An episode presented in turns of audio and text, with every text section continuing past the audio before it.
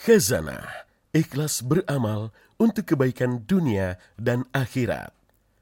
Sesaat lagi kita akan simak program kajian pengantar rehat, menebar risalah iman.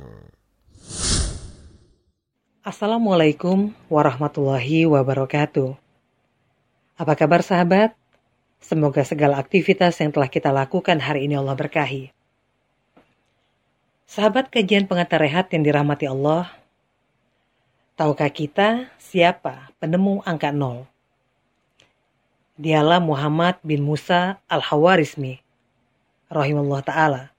Dilahirkan sekitar tahun 780 Masehi di Hawarizm yang kini dikenal dengan nama Kifah, salah satu kota di negara Uzbekistan. Di masa mudanya, Al-Hawarizmi berkelana dan menghabiskan hidupnya menuntut ilmu di Baghdad pada masa kehalifaan dinasti Abbasiyah. Di bawah kehalifaan dinasti Abbasiyah ini, Al-Khawarizmi yang cerdas dan memukau berhasil menarik perhatian Khalifah Al-Ma'mun rahimullah ta'ala.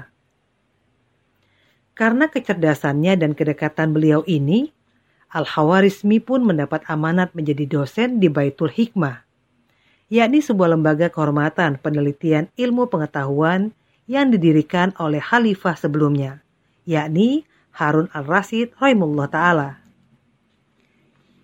Di bawah kehalifaan dinasti Abbasiyah juga, Baghdad menjadi pusat peradaban ilmu dan perdagangan dunia.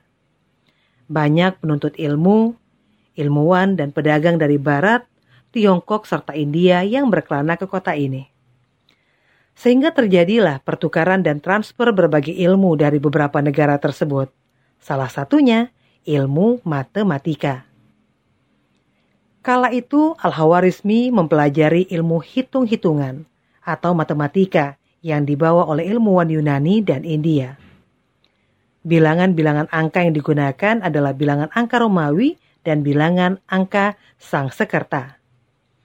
Tak ayal, penulisan hitung-hitungan angka pun menjadi sulit, dan rumus yang diperkenalkan pun sangat rumit, serta sangat disayangkan. Ilmu matematika dari kedua bangsa tersebut pada awalnya tidak dapat diaplikasikan dalam kehidupan sehari-hari. Al-Hawarizmi yang cerdas dalam ilmu hisab ini berupaya membuat ilmu matematika menjadi ilmu yang mudah dan bermanfaat bagi kehidupan sehari-hari. Salah satu penemuan dalam ilmu matematika karya Al-Hawarizmi adalah penemuan angka matematika modern yang sangat umum kita gunakan hingga saat ini. Penemuan beliau adalah angka-angka 1, 2, 3 sampai 9 dengan simbol yang saat ini kita ketahui. Bahasa matematika dunia bukan lagi memakai simbol bahasa Yunani, juga bukan India kuno.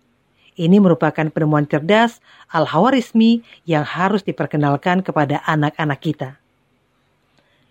Penemuan kedua, Al-Hawarizmi adalah angka nol. Iya, angka nol adalah penemuan Al-Hawarizmi.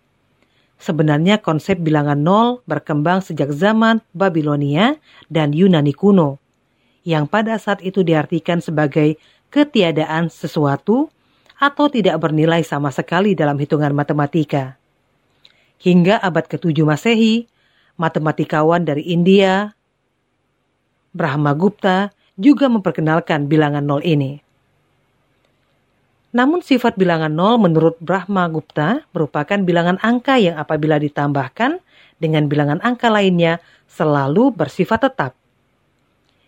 Ide-ide brilian yang dibawa oleh matematikawan India inilah yang selanjutnya dipelajari oleh Al-Hawarizmi. Di sinilah pertama kali memperkenalkan sifat dan penggunaan bilangan nol sebagai nilai tempat dalam basis 10.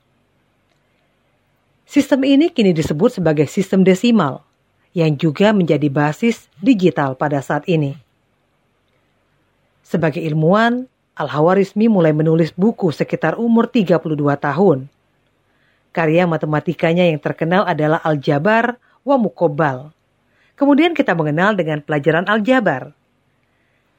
Ada pelajaran penting di sini, bahwa seluruh ilmuwan muslim yang pernah menorehkan temuan-temuan mendunia selalu dilatar belakangi oleh kebutuhan akidah. Silakan baca di buku Al-Hawarizmi di salah satu mukaddimahnya. Al-Hawarizmi menyampaikan bahwa karena muslimin memerlukan matematika untuk banyak hal terkait ibadah.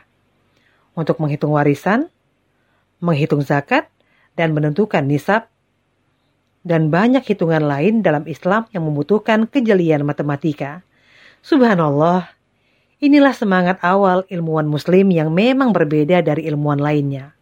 Wallahu a'lam. Demikian kajian pengantar rehat malam ini. Semoga bermanfaat. Selamat beristirahat.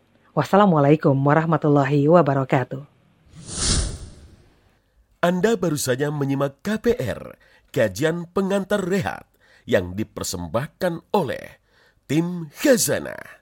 Silahkan di-share seluasnya. Semoga menjadi inspirasi dan amal kita semua.